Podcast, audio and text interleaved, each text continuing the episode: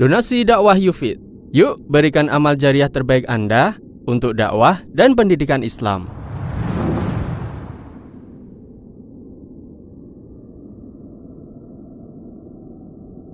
Bismillahirrahmanirrahim. Assalamualaikum warahmatullahi wabarakatuh.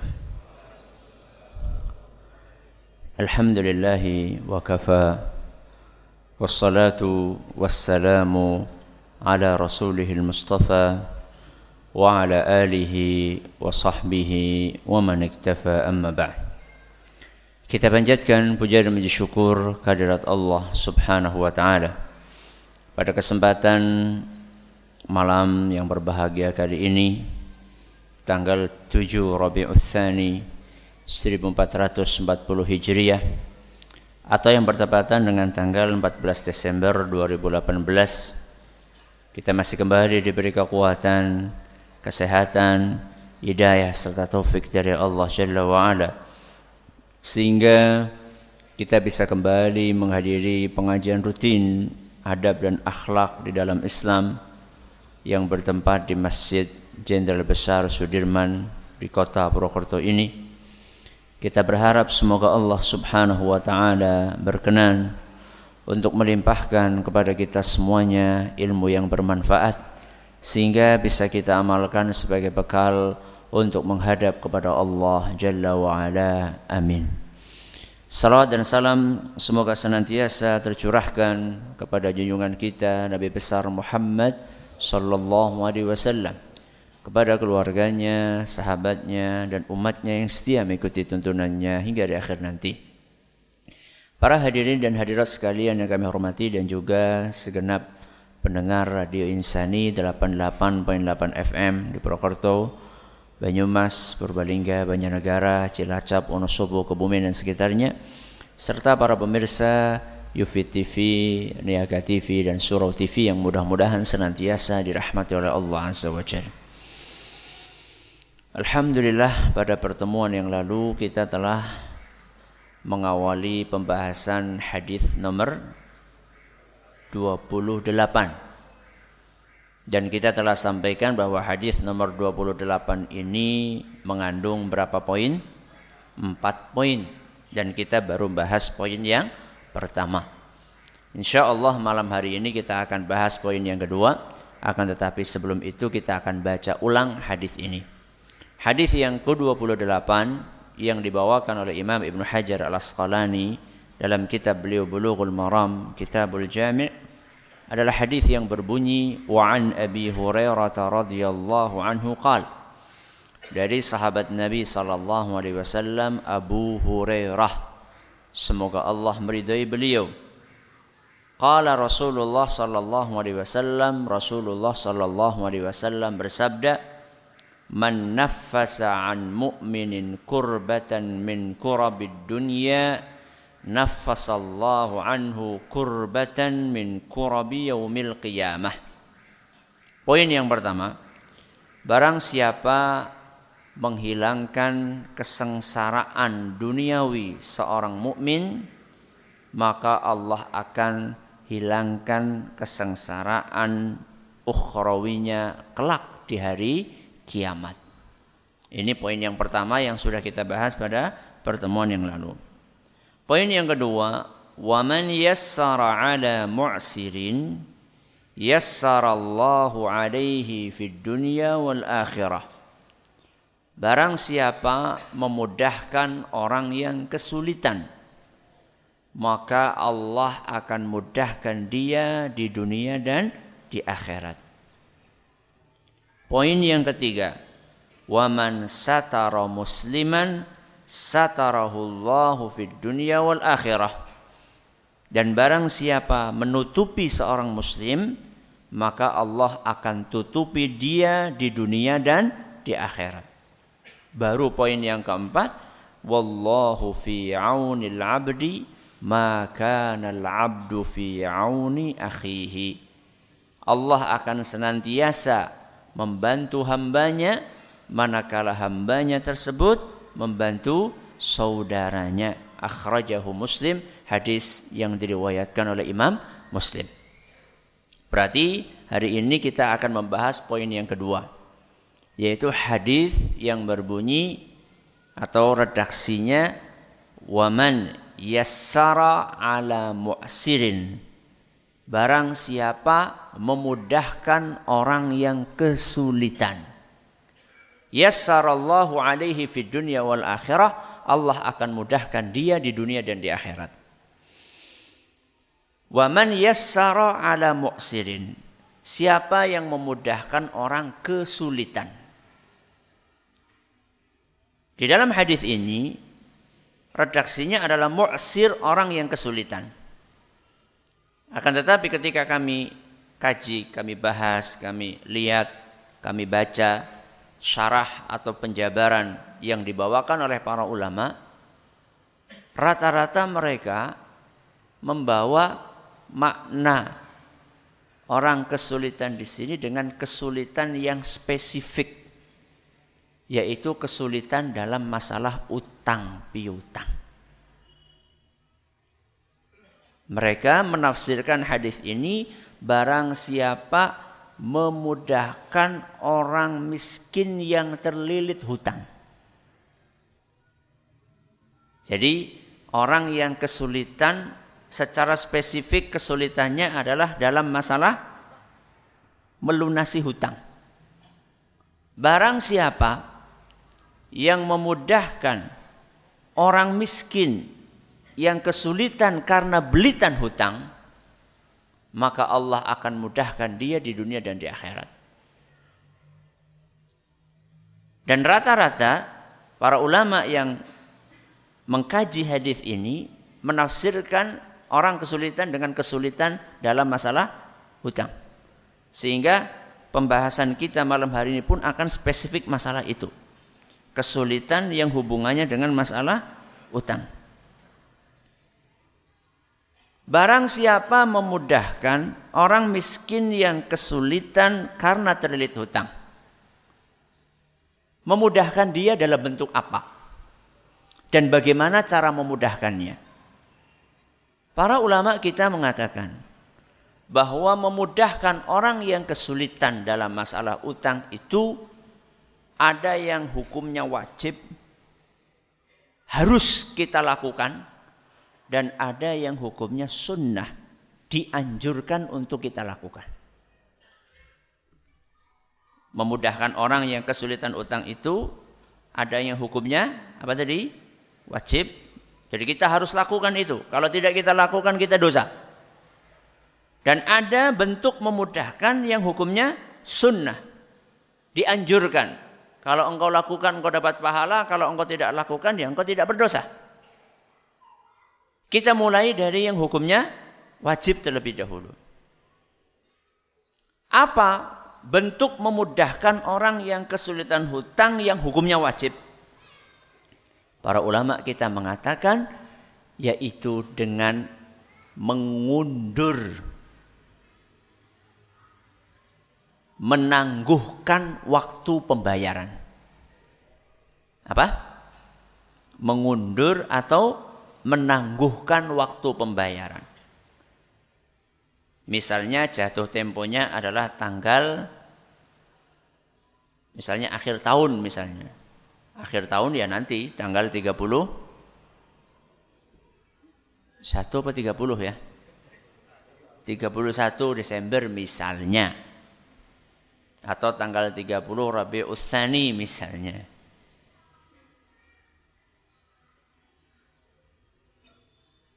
Jatuh temponya tanggal itu. Kalau kita tahu orang ini miskin dan tidak mampu, maka wajib hukumnya untuk kita mudahkan urusan dia dengan cara mengundur mengundur batas waktu pembayaran atau pelunasannya. Diundur sampai kapan? Diundur sampai kapan? Sampai dia mampu. Sampai dia mampu. Dan ini perintah Allah Subhanahu wa taala. Allah yang memerintahkan itu. Dalam Al-Quran Surat Al-Baqarah ayat 280. Surat apa? Al-Baqarah. Surat nomor berapa? Surat nomor berapa? Nomor dua loh gampang banget Al-Fatihah kok. Al-Baqarah ayat 280. Allah Subhanahu wa taala berfirman, "Wa in kana usratin" Seandainya orang yang berhutang itu kesulitan ekonominya. Miskin atau orang kaya tapi dia tidak punya harta yang bisa dia berikan untuk membayar utang. Tentunya yang paling menonjol, menonjol di sini orang miskinnya. Barang siapa atau seandainya orang yang berhutang itu tidak mampu, kesulitan untuk membayarnya, fanadhiratun ila maisarah. Maka hendaklah diundur tenggang waktu pembayarannya ila maisarah sampai dia mampu. Sampai dia mampu. Di sini Allah Subhanahu wa taala tidak menyebutkan sampai sebulan, sampai dua bulan, sampai setahun. Mampu nih kapan? Aduh, saya sudah bangun Ustaz.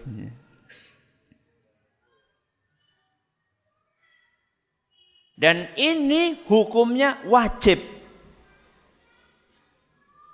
Sehingga kalau kita tahu dia tidak mampu, kok tetap kita tagih, maka kita berdosa.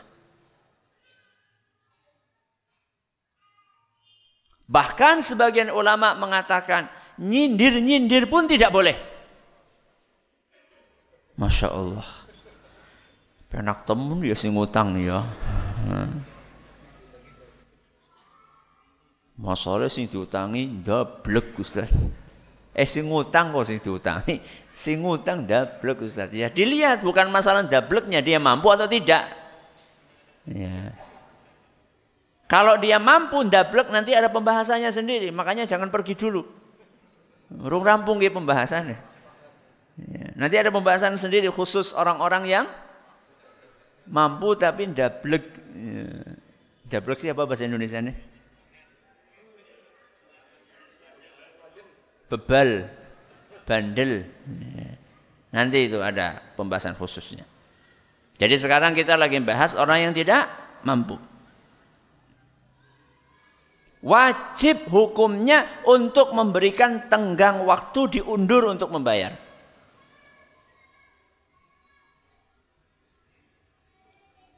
Gak boleh ditagi, gak boleh disindir-sindir, apalagi disita rumahnya. Gue sing pegawai ini kayak gue, gue haram terus pekerjaan ini jenengan. Ya, menari di atas kuburan orang lain Ya. Bahagia di atas penderitaan orang lain.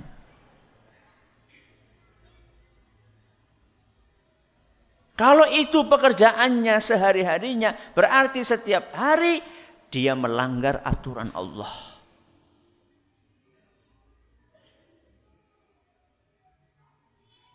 Ini yang hukumnya apa? Wajib. Kemudian yang level di bawahnya yang hukumnya sun sunnah. Bentuk kemudahan yang dianjurkan untuk diberikan kepada orang yang sedang kesulitan terlilit hutang yang levelnya sunnah adalah dibebaskan. Masya Allah. Dibebaskan gue maksudnya apa? Wis rosa bayar.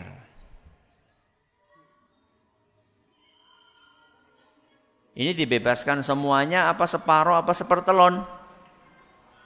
Nah, ya terserah. Oh yang punya duit bukan jenengan kok. Yang punya duit dia. Terserah dia seikhlasnya berapa. Ya. Kalau dia ikhlasnya semuanya ya Alhamdulillah. Kalau dia ikhlasnya separuh ya Alhamdulillah. Syukur. Wis dibebas sang separo, dene separo maning ngoro. Sunnah ini sunnah. Sehingga ketika ada orang utang kepada kita, kita tahu orang ini kesulitan. Orang ini kesulitan. Kemudian kita undur, ternyata masih kesulitan, ya sudah kita bebaskan separuh. Atau tidak kita bebaskan. Cuman kita kasih tenggang waktu. Apakah kita berdosa? Tidak. Karena membebaskan utang, baik total maupun parsial, total semuanya parsial sebagian, itu tidak wajib. Itu hukumnya sunnah. Berarti pahalanya besar Ustaz. Ya besar. Nabi Shallallahu Alaihi Wasallam bersabda dalam sebuah hadis yang diriwayatkan oleh Imam Muslim, man anzara mu'siran. Barang siapa memberi jeda waktu mundur buat orang yang kesulitan karena terlilit hutang,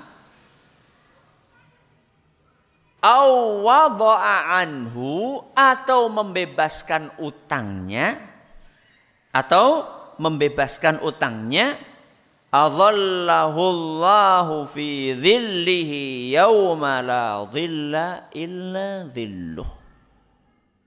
Allah akan beri dia naungan di padang mahsyar. Di saat hari itu tidak ada naungan kecuali naungannya dari Allah Subhanahu wa taala. Hadis riwayat Muslim. Selama ini kan kita tahunya tujuh golongan. Ya, tujuh golongan. Ternyata tidak cuma tujuh. Ada yang ke delapan, barangkali ada yang ke sembilan. Salah satunya adalah ini. Ya, membebaskan utang. Maka kalau misalnya kita membebaskan utang orang yang seperti itu maka Nabi kita sallallahu alaihi wasallam menjanjikan bahwa kita akan termasuk orang-orang yang mendapatkan naungan di padang mahsyar. Jadi memberi kemudahan kepada orang yang terlilit utang terbagi menjadi berapa? Dua. Yang pertama, hukumnya wajib. Apa bentuknya? Mengundur waktu pembayaran. Sampai kapan? Sampai dia mampu. Dalilnya surat Al-Baqarah ayat 280. Yang kedua, hukumnya sunnah. Bagaimana bentuknya? Membebaskan baik total semuanya atau sebagian. Ini hukumnya sun sunnah. Dalilnya hadis riwayat Muslim. Barang siapa melakukan memberikan kemudahan baik yang levelnya wajib maupun yang levelnya sunnah baik berupa mengundur tenggang waktu pembayaran atau membebaskan maka dijanjikan oleh Nabi sallallahu alaihi wasallam yassarallahu alaihi fid dunya wal akhirah.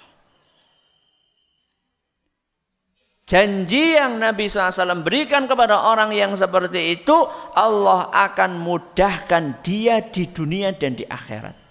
Perhatikan baik-baik. Yassarallahu alaihi. Allah mudahkan dia. Di dalam hadis ini tidak disebutkan kemudahan itu bentuknya apa. Cuma disebutkan Allah mudahkan dia. Berarti kemudahan yang Allah berikan itu total. Segala jenis kemudahan. Karena di dalam hadis ini tidak dibatasi kemudahan cuma masalah ekonomi saja misalnya, kemudahan masalah keluarga saja, kemudahan masalah jodoh saja, enggak. Akan tetapi redaksi hadisnya umum yassarallahu alaihi. Allah mudahkan dia. Berarti kemudahan yang Allah berikan kepada dia sifatnya umum dalam segala urusan. Maka kalau kita berat-berat ya untuk memudahkan orang yang sedang kesulitan terlilit utang maka ingat hadis ini. Kalau kita ingin dimudahkan oleh Allah Subhanahu wa taala, mudahkan orang tersebut. Ustaz, orang sih nggak pada ngutang sama saya, Ustaz. Ngutangnya sama orang lain, Ustaz. Apa kalau saya bantu dia untuk melunasi utangnya dengan saya kasih duit kepada dia. Dia ya duit ya, gue bayar utang. Aja gue tuku mobil, Ya. Kemudian dia bayar. Apakah saya masuk dalam hadis itu? Hadis yang tadi kita dengar Ustaz? Masuk. Walaupun hukumnya tidak wajib. Walaupun hukumnya tidak wajib. Ya, kita ngelihat kita punya teman. Ya. Mukanya kok kusut banget. Ya. Setiap ketemu geleng-geleng. Ya. Setiap ketemu geleng-geleng bolak-balik menghela nafas panjang. Anak apa ini? Utang. Kalau kita tahu dia kesulitan dan kita tahu dia orangnya tidak mampu, maka kemudian pira si utangi yusemene Oke ya, separuh ya tak bantu. Jadi kur separuh. La in syakartum lazidannakum. Bersyukur toh supaya ditambah, ya, supaya ditambah. Ditambah apa nih? ditambah bantuannya, ya. Jadi Allah akan mudahkan dia. Dan di sini Nabi SAW mengatakan fid dunia wal akhirah. Allah akan mudahkan dia di dunia dan di akhirat. Saya akan bahas kemudahan di dunia dulu. Kemudian kemudahan di dunia itu ada yang sifatnya duniawi, ada yang sifatnya agama. Nanti saya akan jelaskan kalau agama mungkin uh, gak segera kita cepat cerna, tapi kemudahan duniawi dulu. Apa kemudahan duniawi? Contohnya adalah rizki. Apa? Rizki. Allah akan mudahkan bisnis kita. Allah akan mudahkan usaha kita. Allah akan buka hasil panen kita sebanyak-banyaknya. Itu rizki. Termasuk urusan duniawi, pekerjaan kita, hubungan kita dengan tetangga kita, urusan-urusan kita, Mau ngurus KTP dimudahkan sama Allah, ngurus SIM dimudahkan sama Allah. Daftar ke sana dimudahkan sama Allah, anak kita masuk ke mana ke mana ke mana dimudahkan sama Allah Subhanahu Wa Taala. Anak-anak kita dimudahkan, istri kita dimudahkan, keluarga kita dimudahkan. Semuanya dimudahkan oleh Allah Subhanahu Wa Taala. Ini urusan dunia duniawi. Termasuk yang akan dimudahkan oleh Allah urusan agama. Apa urusan agama? Urusan ibadah. Kita ini akan dimudahkan oleh Allah untuk beribadah. Apa maksudnya Ustadz dimudahkan dalam urusan ibadah? Kita ini dibikin ringan. Dibikin enjoy, dibikin semangat sama Allah untuk beribadah. Itu karunia atau bukan? Karunia atau bukan? Lebih berharga karunia ini daripada kemudahan rizki. Kaki ini ringan untuk dilangkahkan menuju ke masjid. Itu adalah merupakan karunia yang sangat berharga, bahkan lebih berharga daripada dunia seisinya. Rok'atal fajri khairun minat dunia wa ma fiha. Jenengan diringankan sama Allah. Mau menunaikan sholat sunnah qobliyah subuh dua rakaat. Itu lebih berharga daripada dunia seisinya. Rawahu muslim, hadis riwayat muslim. Padahal itu sholat sunnah apa sholat fardu? Sholat sunnah. Dua rakaat sholat sunnah. Qobliyah subuh. Lebih berharga daripada dunia seisinya. Apalagi sholat wajib. Maka bersyukurlah kepada Allah. Kaki kita dibikin ringan menuju ke pengajian. Tangan kita dibikin ringan untuk bersedekah. Mulut kita dibikin ringan untuk membaca Al-Quran, untuk berzikir, untuk bersolawat kepada Rasul Sallallahu Alaihi Wasallam. Otak kita dibikin fresh untuk mencerna pengajian. Ya, kan belum tentu hadir pengajian bisa mencerna. Kadang-kadang hadir pengajian kur hadir apa nek? Kur hadir apa nek? Awak ketok. Ada? Ada? Ngacung jajal.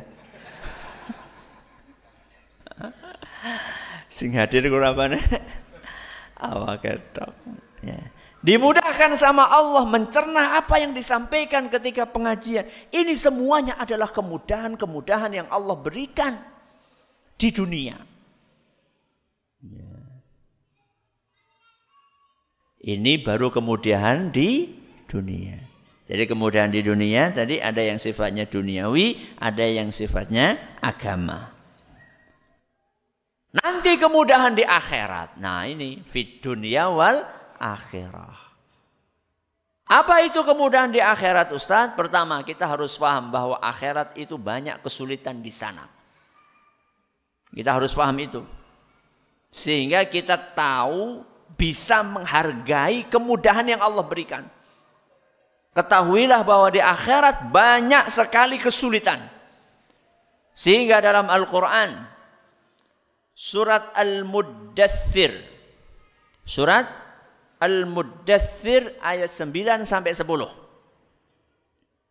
Allah Subhanahu wa taala berfirman, "Fadzalika yauma idzin yaumun asir." Sesungguhnya pada hari itu adalah hari yang sulit. Hari nopo? Hari kiamat. Hari kiamat itu hari yang sulit alal kafirina ghairu yasir apalagi buat orang-orang kafir jelas tidak ada kemudahan untuk mereka maka kita membutuhkan bantuan dari Allah agar menghadapi kemudahan-kemudahan di sana. Yang sulit jadi mudah dengan bantuan dari Allah. Apa bentuk kemudahannya Ustadz? Wah macam-macam. Salah satu bentuk kemudahannya adalah kemudahan proses hisab. Apa itu hisab? Penghitungan amalan. Ya. Anda bisa bayangkan setiap yang kita kerjakan itu tertulis semuanya dan nanti akan dihisap oleh Allah Subhanahu wa taala kita umur 60 tahun dalam sehari berapa aktivitas yang kita kerjakan? Gak usahlah sehari. Coba sekarang jenengan satu jam, satu jam. Jenengan tulis aktivitas selama satu jam. Yang diucapkan, yang diperbuat. Apa kira-kira kita nggak kecapean untuk menulis itu? Padahal aktivitas satu jam. Aktivitas kita satu kali 24 jam. Kali 60 tahun. Itu nanti akan kita pertanggungjawabkan di hari kiamat. Dan nanti akan ditanya oleh Allah subhanahu wa ta'ala satu persatu. Itu berat sekali. Namun ada manusia-manusia yang melewati proses hisab dengan proses yang mudah sekali. Hisabai yasira, proses hisab yang mudah. Siapakah orang tersebut dan bagaimana kemudahan yang dia dapatkan? Mari kita dengar apa yang disampaikan oleh Nabi kita Muhammad sallallahu alaihi wasallam dalam hadis yang diriwayatkan oleh Imam Bukhari dan Muslim. Dan yang akan saya bacakanlah redaksi Imam Bukhari. Nabi SAW bersabda, Yudnal mu'minu min rabbihi. Pada hari kiamat nanti, ada orang yang beriman yang didekatkan sedekat-dekatnya dengan Allah. Disebutkan dalam beberapa riwayat ditutupi. Enggak ada yang ngeliat. Cuma dia dengan Allah Subhanahu wa taala. Fayuqir fayuqarrirahu bidzunubihi. Kemudian Allah Subhanahu wa taala menanyai dia tentang dosa-dosa yang dia kerjakan saat di dunia. Ta'rifu dzamba kadza. Apakah kamu masih ingat dahulu pernah melakukan dosa A. Maka dia pun mengatakan, A'rif, ingat aku ya Allah. Bukankah kamu juga pernah melakukan dosa B? Iya wahai Allah, aku ngaku. Bukankah kamu juga pernah melakukan dosa C? Iya ya Allah. Bayangkan. Dosa kita sampai apa? Abjadnya sudah kelewat. A, B, C, D, F, G. Z masih lewat lagi. Satu persatu dosa. Sampai dia merasa sudah tamat ini sudah. The end sudah. Allah subhanahu wa ta'ala cuma nanya. Kamu kan pernah melakukan dosa ini? Iya, wah. Tapi kan yang tanya Allah.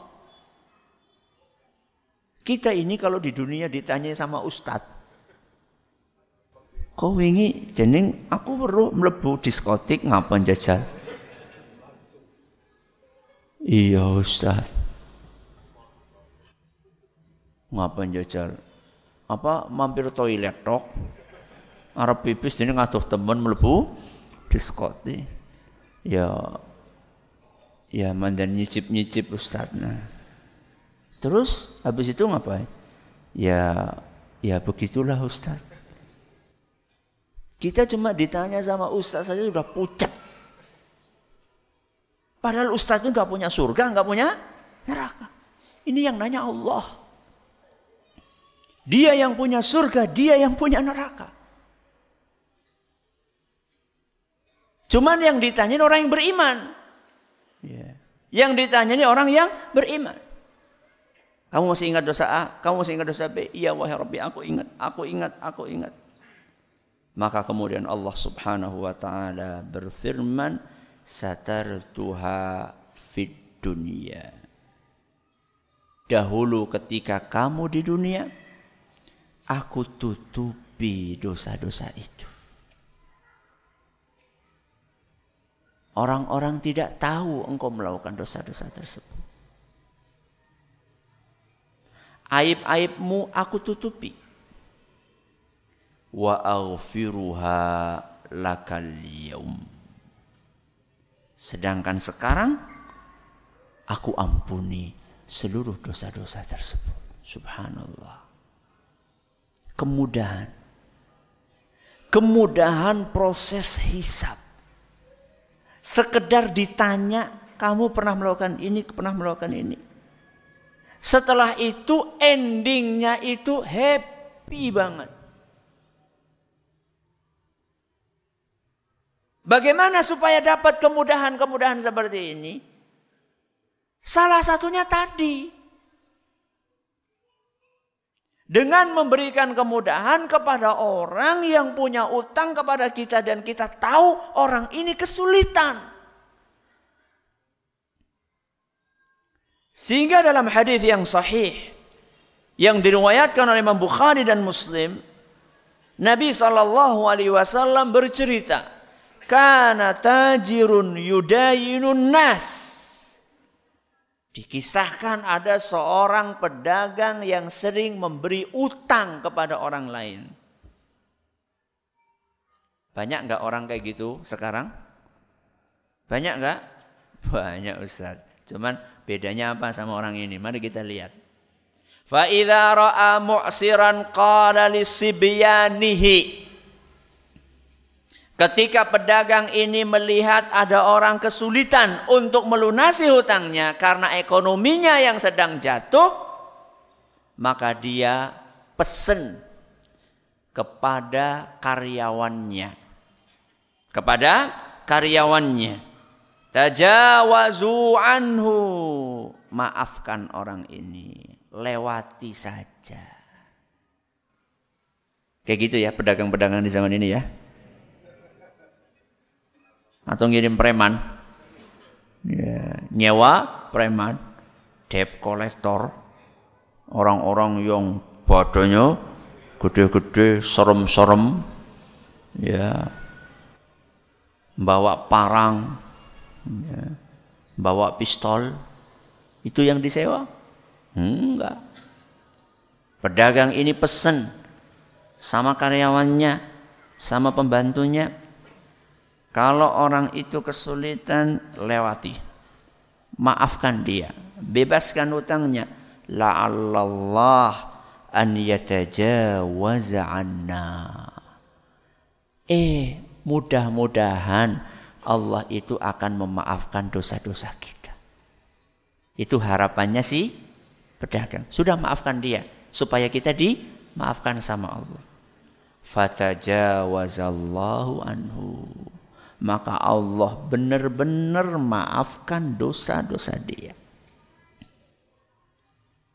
Jadi hisap yang mudah itu bisa kita dapatkan. Salah satu caranya adalah dengan kita bebaskan orang-orang yang punya utang dengan kita dan kita tahu orang ini kesulitan.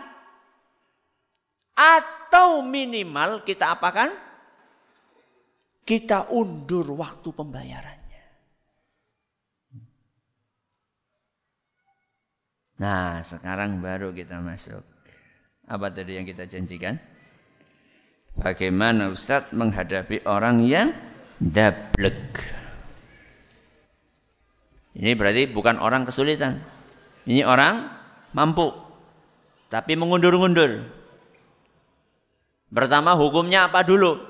Orang yang mampu membayar utang tapi mengundur-undur. Hukumnya apa? Kok ambleng? Hukumnya apa?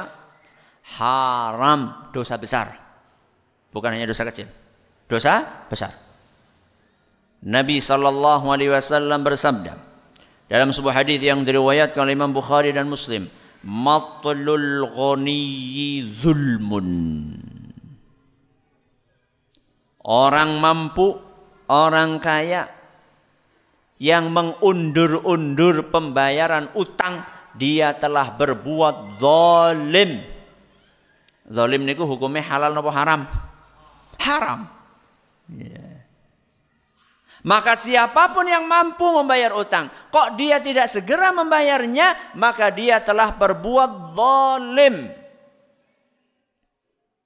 Dan karena perbuatan zalim dia itu Nabi SAW dalam hadis yang diriwayatkan oleh Imam Bukhari beliau bersabda layyul wajidi yuhillu irdahu wa uqubatahu Orang yang mampu kemudian dia mengundur-undur bayar utang maka perbuatan dia akan membuat harga dirinya halal. Apa maksudnya harga dirinya halal? Boleh disebarkan belang dia. Belangnya apa? Hobi, ngutang, mau bayar. Disebarkan tidak apa-apa. Yeah. Aslinya, aslinya kan harga diri seseorang halal apa haram? Haram, nggak boleh kita udah kodik. Tapi karena dia punya kebiasaan seperti ini, ngutang, ngutang, ngutang, ngutang, nggak pernah bayar, maka tidak apa-apa track record dia, rapot merah dia ini kita sebarkan sama orang. Tidak apa-apa. Supaya apa? Supaya tidak jatuh korban berikutnya. Ya. Kan kalau orang mengutang kan Masya Allah ya. Manis sekali cara ngomongnya. Apalagi yang memang spesialisasinya adalah berhutang. Dia sudah pengalaman bagaimana menaklukkan hati orang-orang supaya bisa diutangi. Macam-macam yang jadi tameng. Ya, ada yang anaknya sakit lah, ada yang dianya sakit lah, macam-macam orang itu sangat kreatif mereka, uh, memiliki inovasi yang tinggi untuk membuat alasan. Yeah. Bahkan ada yang, wah saya ini sakit kanker, astagfirullah. Padahal enggak. Ya Allah, konek padane kanker temenan kepriwe gitu ya. Nauzubillahimin min. Orang yang seperti ini halal harga dirinya dan halal untuk dijatuhi hukuman. Hukumannya apa? Nanti kita akan bahas. Salah satu hukumannya adalah boleh dipenjara. Boleh di dipenjara. Dan salah satu bentuk hukumannya adalah boleh diambil hartanya secara paksa oleh hakim. Jadi orang utuh nungguin jenengan. oleh hakim untuk dijual buat bayar utang. Ya. Ini kalau dia mampu loh. Kalau dia mampu, ini orang rumahnya gubuk kok dirampas gimana? Dia punya rumah ada lima misalnya. Di sini ada, di sana ada, di sana ada, vilanya ada. Saben ditagi utangnya, Aku tuh lagi angel banget rezekine. Masya Allah umai lima rezekine. Angel ki kepriwe ini.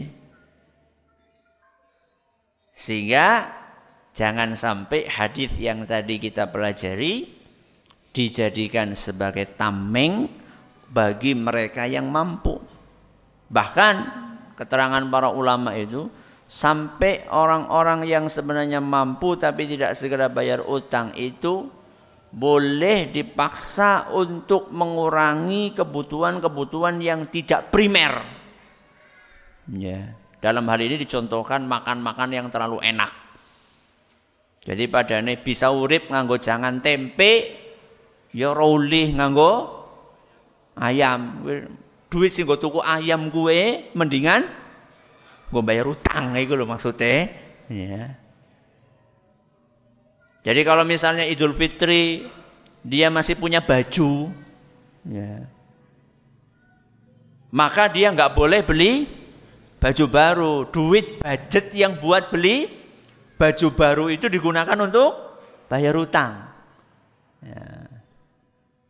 Kalau dia sudah cukup punya motor, maka tidak boleh dia beli mobil duit yang harusnya buat beli mobil itu dia gunakan untuk nyicil utang. Itulah yang dijelaskan oleh para ulama kita. Wallahu a'lamu bissawab. Sudah masuk waktunya belum? Bismillahirrahmanirrahim. Alhamdulillahirabbil Wassalatu wassalamu ala nabiyina Muhammadin wa ala alihi wa sahbihi ajma'in Kita akan bacakan beberapa pertanyaan yang masuk. Assalamualaikum Waalaikumsalam warahmatullahi wabarakatuh Ustaz mau tanya apabila ada saudara mempunyai utang Kayaknya dia tidak mampu untuk melunasi utangnya, sekarang dia mengidap penyakit tumor ganas. Saya mau ikhlaskan, apakah perlu disampaikan kalau saya sudah ikhlaskan? Perlu. Ya, perlu. Agar e, beban pikirannya bisa berkurang. Jadi orang yang berutang itu nggak nyaman hidupnya. Orang yang berutang itu hidupnya nggak nyaman malam sulit tidur, siang malu ketemu sama orang yang ngutangi. Jadi nggak nyaman. Dan bisa jadi penyakit yang dia derita itu karena pikiran. Karena beban pikiran. Maka sampaikan kepada dia bahwa utangmu sudah saya anggap lunas. Ya, itu lebih baik. Ustaz bagaimana upaya kita dalam usaha membayar utang yang dirasa berat karena banyak nominalnya sedangkan kita dalam keadaan kesulitan ekonomi. Yang pertama adalah niat. Yang pertama adalah niat. Dan jangan pernah meremehkan masalah niat ini. Niat yang saya maksud adalah tekad untuk membayar. Karena orang yang berutang dan dia bertekad untuk melunasinya, maka Allah akan mudahkan dia jalan untuk melunasi. Sebaliknya, orang yang dari awal utang, dia sudah berniat untuk tidak bayar, maka Allah akan sulitkan buat dia untuk melunasi utangnya. Maka yang pertama harus dihadirkan adalah tekad atau niat yang tulus untuk melunasi utang. Satu. Yang kedua, sekedar tekad saja tidak cukup, harus diiringi dengan usaha. Dan usaha yang dilakukan harus maksimal. Ya. Karena dia punya tanggungan. Karena dia punya tanggungan. Dan usaha maksimal itu bukan berarti sampai dia meninggalkan pekerjaan, sampai dia meninggalkan ibadah, bukan. Pekerjaan yang maksimal ini kalau dia bisa melakukan dua pekerjaan dan waktunya memungkinkan, kenapa cuma melakukan satu pekerjaan? Kalau dia bisa melakukan tiga pekerjaan, padahal dia eh, kalau dia bisa melakukan tiga pekerjaan, kenapa dia lakukan dua pekerjaan? Dia lakukan tiga pekerjaan ini karena dia tahu hasilnya lebih banyak dan bisa segera untuk melunasi utangnya. Ini yang kedua. Harus berusaha maksimal. Yang ketiga, dia harus mengulangi kebutuhan-kebutuhan sekunder dia. Salah satu kebutuhan sekunder di zaman ini yang sudah dianggap primer adalah pulsa. Apa? Pulsa. Dalam satu bulan, orang itu bisa mengeluarkan pulsa berapa? 100 ribu, 200 ribu, 300 ribu. Nah pulsa-pulsa ini buat apa? Apakah sesuatu yang primer? Primer gue, nek ora dipenuhi mati. Ya. Sekarang kalau jenengan orang tuku pulsa mati apa orang? Ya. Apakah itu jadi sekarat gitu? Kan enggak. Itu kurang. Makan-makan yang terlalu enak, jajan-jajan yang itu kalau misalnya kebutuhan-kebutuhan sekunder itu duitnya itu kita kumpulkan, kita bisa nyicil walaupun cuma sedikit. Sehingga orang yang menghutangi kita itu dia bisa merasakan bahwa ini orang serius gitu loh. Walaupun nyicilnya saya ketemu tapi serius. Dan kita pun juga akan melihat, oh alhamdulillah utang saya berkurang berkurang. Kita itu jangan cuma ngeliat jangan utang orang berkurang-kurang yo, sabunnya didelengi terus. Ya udah berkurang, wong nggak dibayar. Bayar lima puluh ribu, seratus ribu. Yang penting ada berkurang berkurang walaupun sedikit. Ustaz nganti pirang tahun, ora penting. Yang penting Anda itu punya tekad bulat untuk melunasi. Selanjutnya akan dimudahkan oleh Allah Subhanahu wa taala. Ustadz, misalnya ada orang yang tidak mampu membayar utang dan kita sudah melakukan amalan yang wajib dan sunnah. Mungkin maksudnya tadi ya, me, apa namanya? mengundur atau membebaskan. Tapi orang itu malah utang lagi kepada orang lain Apakah itu juga termasuk ke dalam orang yang mampu tapi tidak mau bayar utang? Lu tergantung. Anda tidak bisa menghukumi seperti itu kecuali setelah melihat orang ini butuh atau tidak. Kalau misalnya kita tahu orang ini butuh setiap setiap bulannya untuk biaya pengobatan. Misalnya dia harus kemo misalnya. Atau misalnya dia harus cuci darah misalnya. Dan dia harus mengeluarkan duit. Dan kita tahu itu, sedangkan dia tidak mampu. Maka tidak bisa kita katakan orang ini adalah orang yang zolim. Wong dia kebutuhannya seperti itu. Ya. Maka dalam kondisi seperti tadi nggak bisa kita katakan zolim. Kecuali kalau kita tahu kebutuhan dia utang itu bukan sesuatu yang primer. Ya, kebutuhan utang buat apa? Gue merubah warna cat rumah. Ya. Buat ngupdate HP supaya lebih uh, lebih keren lagi. Nah, itu berarti bukan kebutuhan pri primer. Ustaz, kalau kita sudah terjerat hutang riba dan ketika kita sedang kesulitan membayarnya, apakah boleh kita meminta bantuan atau berutang ke saudara untuk melunasinya? Boleh. Boleh. Jadi walaupun utang itu riba, Anda harus bayar karena itu utang. Ya. Karena itu utang. Boleh Anda minta tolong sama orang lain ya berhutang kepada orang lain untuk menutup utang itu dan syukur-syukur kalau yang kita utangi ini tidak menerapkan riba kepada kita karena yang kita utangi sudah ngaji nah yang parah wis ngaji eh sing nganggo riba gue kebangetan gue ya aku kan ora ora paling sepersen tok no kan bok sepuluh persen besar kecil tetap ri, riba. Besar kecil tetap riba. Ustaz bagaimana menasihati orang tua kalau diajak ngaji jawabnya di rumah aja dengerin radio. Kan bisa sambil nyambut gawe. ya alhamdulillah ngaji daripada orang. ya. Ya sampaikan kepada orang tua bahwa kita ngaji di masjid itu pahalanya plus plus Ya, pahalanya plus plus. Plus apa? Jalan kakinya itu loh. Langkah-langkah kaki kita ke masjid itu dihitung sebagai pahala. Berangkatnya dan pulangnya. Bukan cuma berangkatnya saja, pulangnya juga dihitung. Ya. Kemudian sholatnya kita di sini juga dihitung. Kemudian senyum kita sama samping kita salaman itu juga di dihitung. Konsentrasi kita itu juga dihitung. Kalau di rumah kan disambi apa, disambi apa, kadang-kadang disambi nonton TV sih kepriwe. Lalu ngaji ya, dengerin radio, disambinya nonton TV berita sing mlebu sing ngendi? Sudah ada berita yang mata, kelihatan berita, ada running tag pula, berita pula. Berarti kan nanti sing melebu. Tapi kalau di masjid kan mau nggak mau butuh mematakan harap ngantuk, bolak-balik disindir, disindir, orang sedang ngantuk. Coba kalau di rumah sambil leyeh-leyeh ya. Akhirnya bablas ya. Maka uh, disampaikan kepada orang tua, disampaikan kepada orang tua.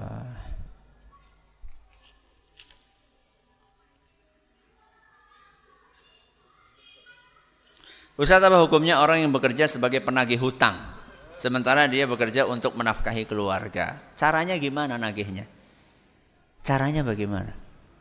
Apakah caranya seperti yang tadi kita sempat singgung dengan ancaman? Ya, nggak pandang bulu orang ini mampu atau tidak. Saya pikir saya pikir dan saya kira dan bisa jadi perkiraan saya keliru, saya kira rata-rata caranya seperti itu. Betul? Atau jenengan pernah ketemu orang tukang nagih utang halus, lembut, ya. Pripun Bu, angek nggih mboten napa-napa. Pernah ketemu? Kalau seperti itu ya mudah-mudahan tidak apa-apa. Tapi kayaknya jarang. Rata-rata pakai apa? Pakai kekerasan. Ya, pakai ancaman, pakai intimidasi, rata-rata seperti itu. Kalau orang yang jenengan tagih itu dia tidak mampu, kemudian Anda tagih dengan cara seperti itu, dengan cara kekerasan, maka penghasilannya haram. Tapi kalau yang Anda tagih itu orang mampu, kemudian Anda tekan, tidak sampai perbuatan dolim, mukuli dia. Yang berhak memukul, yang berhak memenjara itu bukan Anda. Siapa? Hakim. Ya. Sekedar Anda datang, Anda tegesi. Di Anda tahu dia mampu, mudah-mudahan penghasilan Anda halal. Ya. Dia mampu ini orang kaya, Cuman kadang-kadang sebagian orang itu lebih mementingkan untuk mengembangkan usahanya daripada membayar utangnya. Ini zolim ini orang seperti ini. Dia sudah ada duit ini, sudah ada duit. Apa namanya? laba untung dagangannya. Cuman bukannya dipakai buat utang, dia apa lagi? Dia putar lagi supaya dagangannya lebih besar. Gak boleh. Prioritaskan bayar utang. Wallahu a'lam Mudah-mudahan Anda dapat pekerjaan yang lebih berkah insyaallah. Allah taala alam. Terima kasih atas perhatiannya. Menurut segala kurangannya kita tutup dengan membaca Subhanakallahumma wa bihamdika asyhadu an la ilaha illa anta astaghfiruka wa atubu ilaik. Wassalamualaikum warahmatullahi wabarakatuh.